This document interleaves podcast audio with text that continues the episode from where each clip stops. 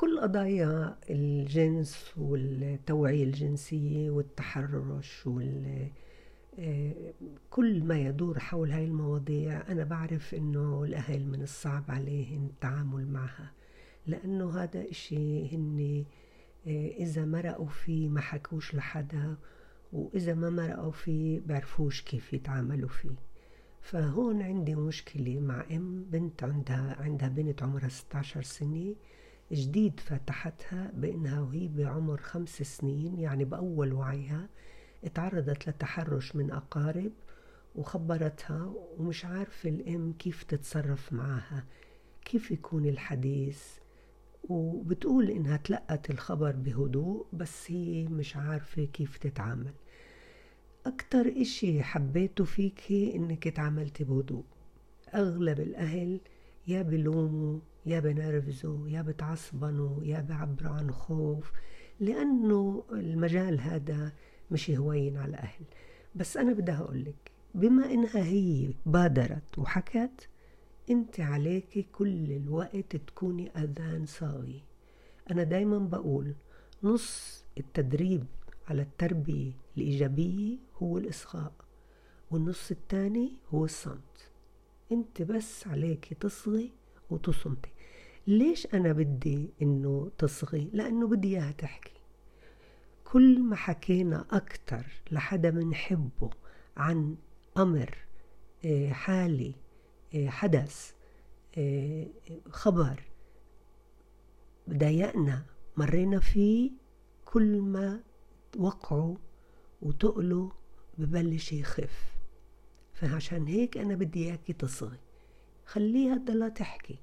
حتى إذا صدف وإنت سمعتي حادثة صارت إنت تبادري في إنك تحكي لها إياها اللي بتخص أو بتشبه هذا وخليها هي تعبر عن مشاعر.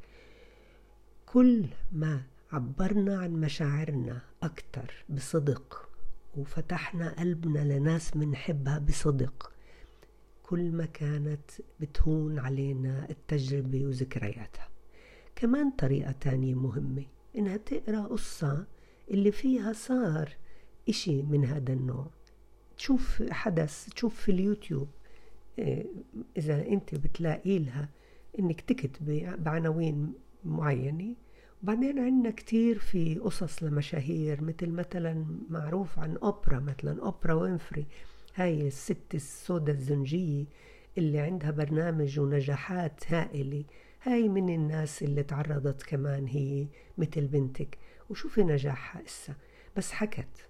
حكت وعبرت وخلت وقامت في توعية لكل البنات إنهن يعرفوا إنه من حقهن إنهن يدافعوا عن جسمهن ومن حقهن يحكوا.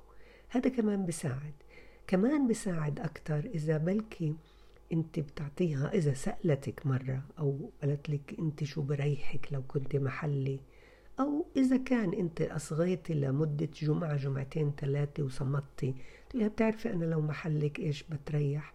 ممكن أقول لك أنا مثلا أنا عندي تجارب ماضية بال كلنا عنا في علبة سوداء فيها تج... في تجارب عنا بتاريخ حياتنا اللي إحنا مضايقتنا وبعدها مخزونة.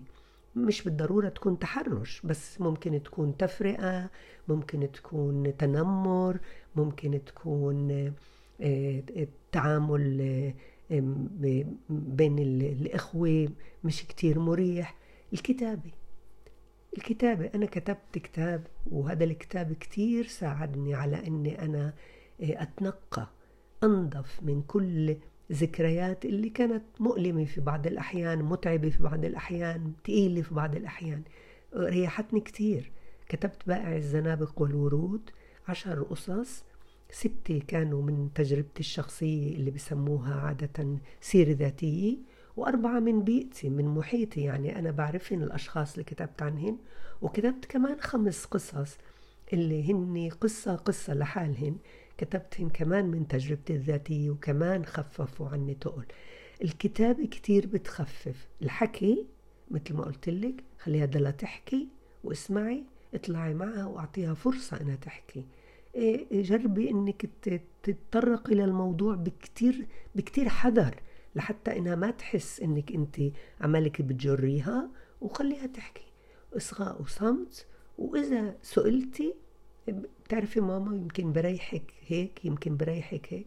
وبعدين إذا شفتي انتو اياها مسلسل أو فيلم فيه تجربة صعبة مش بالضرورة كمان مرة قلت تحرش صعبة فيها تنمر فيها أذى. الأذى كله أنواع الأذى.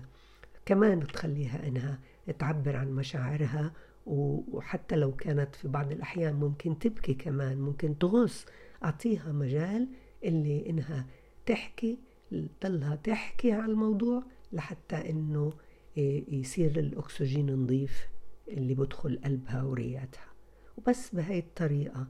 وأعطيها كمان بالستاعش إنها تكون مع الصديقات تنعزم وتعزم تتمتع ببرامج رياضية إذا بتحب الرياضة. إذا بتحب كمان موهبة وهواي اللي تقضي فيها كمان وقتها المهم إنها تتوفر لها بيئة مثيرة للتسلية. ولملء الفراغ وإلى اللقاء